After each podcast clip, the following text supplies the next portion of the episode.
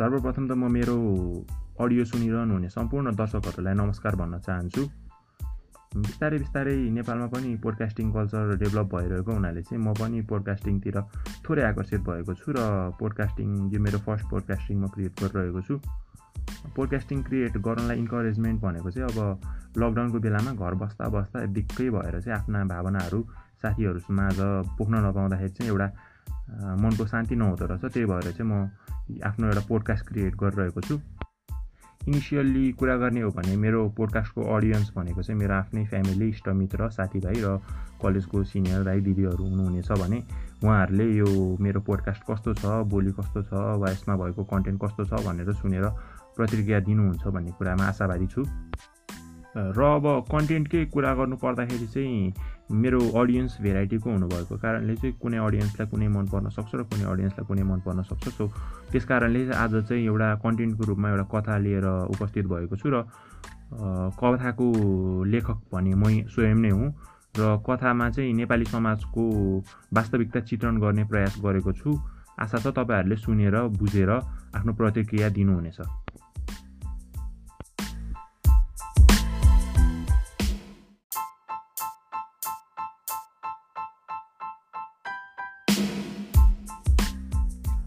अब भने समय खेर नफाली कथातर्फ अगाडि बढौँ।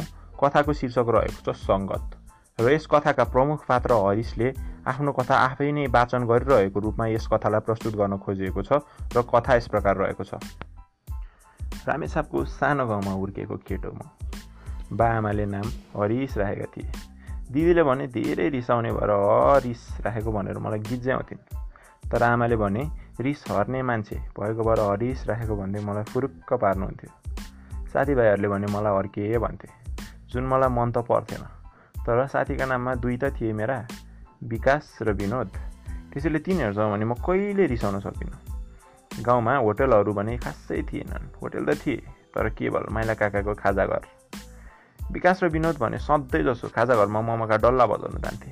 तात ताता ममका डल्ला भैँसीका थियो पनि। विनोद त झन् खानै नपाएको जसरी खान्थ्यो।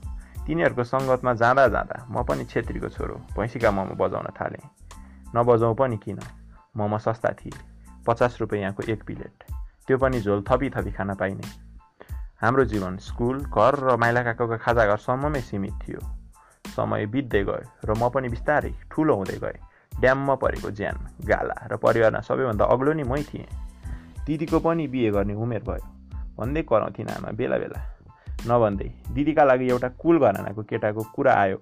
आमाले भन्नुभयो केटाको घर काठमाडौँ बस्छ अरे। खुसी राख्छ बा तँलाई। मसँग त खुब न्यु खोज्थिन् दिदी। चुरीफुरी नै देखाउँथिन्। तर आमाले भनेको एक बात पनि काट्न सकिनन्। सजिलै मन्जुरी दिइन्। म भने दिदीपछि अब मेरो पालो भनेर कहीँ न कहीँ खुसी थिएँ। विकास र विनोद पनि खुसी थिए। भोज खान पाइने भयो भनेर।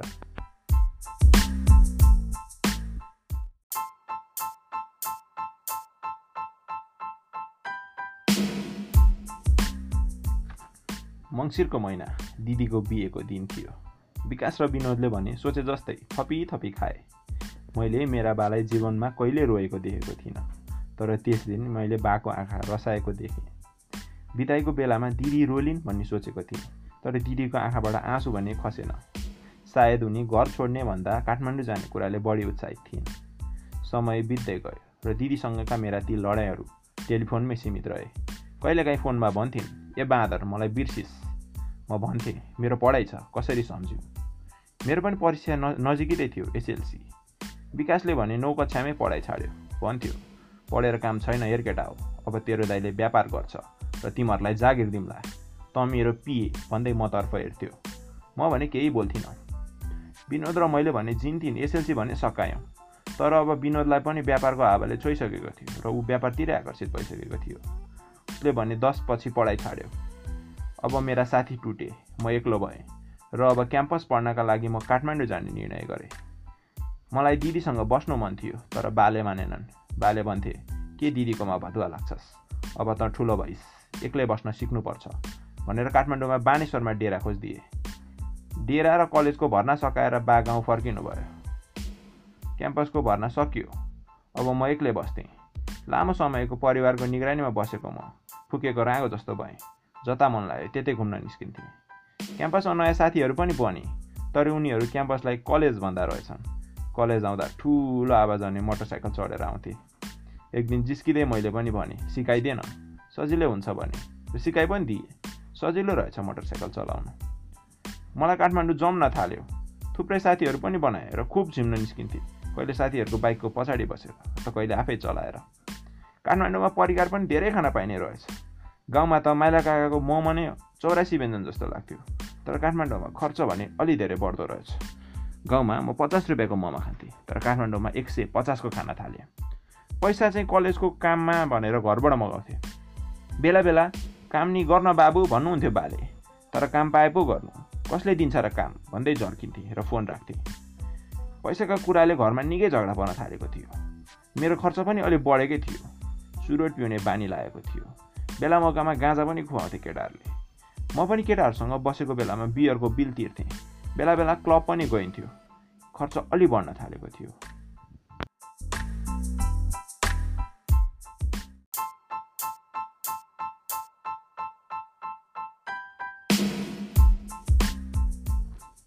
बेला बेला आमाले भन्नुहुन्थ्यो बाबु खर्च अलिक कम गर्न।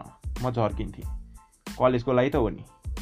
बा उताबाट बोल्थे छोडिदे भोलि पर्सि कमाउँछ अनि पाल्छ। म घरमा फोन गरेर पैसा मगाउँथेँ र केटाहरू मलाई हाम्रो ब्याङ्क ह्यारी हो भन्थे। हर्केबाट ह्यारी हुन पाउँदा म पनि खुसी नै थिएँ र जिस्किँदै भन्थेँ ले बाइक म चलाउँछु। बाइकमा घुम्ने चुरोट तान्ने रमाइलो गर्दै हिँड्ने बानी लागिसकेको थियो मलाई। कलेज पनि बङ्क हान्न थालेँ। फोन त गर्थ्यो कलेजले तर मैले बाको सट्टा आफ्नै नम्बर दिएको थिएँ। फोन केटाहरूले उठाउँथे। र भन्थे हरिस एकदमै बिरामी छ दुई चार दिन कलेज आउँदैन। फोन राखेपछि केटाहरू मक्ख पर्दै भन्थे यो तोर्पे बुढाले केही थाहा पाउँदैन भन्दै मजाक पनि उडाउँथे। कलेज नगएपछि पढाइ बिग्रिनु त स्वाभाविक नै थियो। एघारमा तिनवटा र बाह्रमा चारवटा सब्जेक्ट ब्याक लागेको थियो। कसरी कटाउने केही योजना थिएन। केटाहरू भने कसरी पास हुन्थे मलाई थाहै भएन। तर पास चाहिँ हुन्थे। मलाई सानो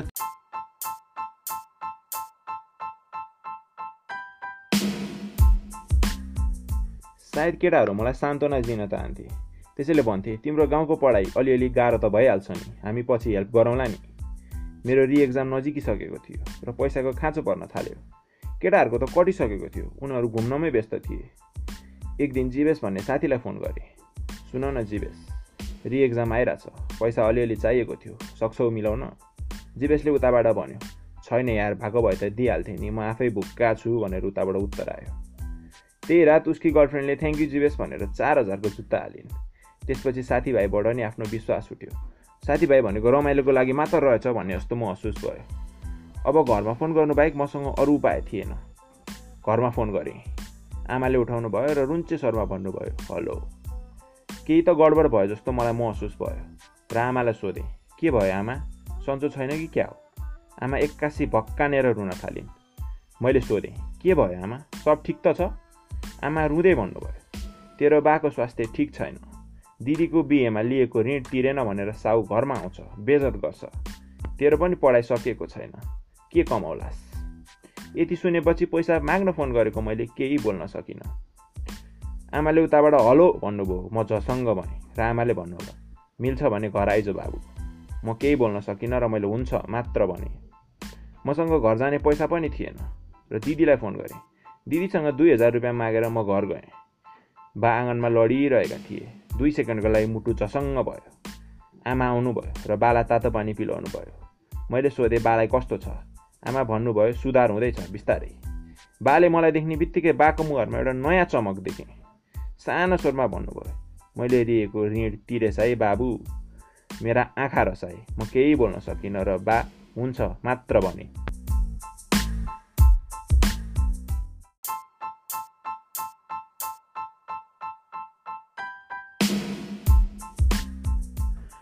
त्यस रात खाइवरी सुत्न गइयो तर निन्द्रा के लाग्थ्यो? केटाहरूलाई फोन गरेँ विनोद र विकासलाई ओइ सुन्न भोलि भेटौँ है। दुवैजनाले सजुरै मन्जुरी दिए। भोलिपल्ट बिहानै नौ बजे भेट्न गए। ओइ माइला काकाको खाजा घरमा। केटाहरू भने अलि परिवर्तन भएछन्। विनोदले जुङ्गा पालेको रहेछ र विकासले लामो कपाल। तिनीहरूको ताल पनि मेरो जस्तै देखेँ। उनीहरूको व्यापार ठप्प भएछ। लगाएको बाली नबिकेर तनावमा रहेछन्। विनोदले रुँदै भन्यो बरु त काठमाडौँ गएर पढिस्। सानोतिनो जागिर पाउलास्। खुसी हुनेछस्। यो सुन्दा मैले काठमाडौँमा आफ्नै भविष्यसँग खेलबाड गरेको हरेक पल झल झल्ती आँखामा देखेँ। मैले आँसु रोक्न सकिनँ। सबै वृत्तान्त सुनाएँ। तिनैजना रुन थाल्यौँ। एकअर्काको आँसु पनि पुस्यौँ।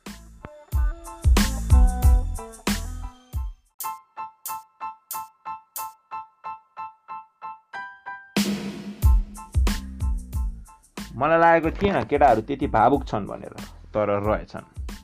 एकछिन सन्नाटाको माहौल बन्यो र विनोदले प्वाक्क बोल्यो अब विदेश जानुपर्छ केटा हो अरू उपाय छैन हामीसँग। मैले मौन सहमति जनाएँ र घरमा गएँ। बालाई सबै कुरा बताएँ। काठमाडौँमा गरेका हरेक गल्तीहरू। बा मभन्दा धेरै भक्कानेर रुनुभयो। मलाई त लागेको थियो अब म बाँच्नुको औचित्य छैन। तर बाले मेरो सोचाइ विपरीत विदेश जान मन्जुरी दिनुभयो।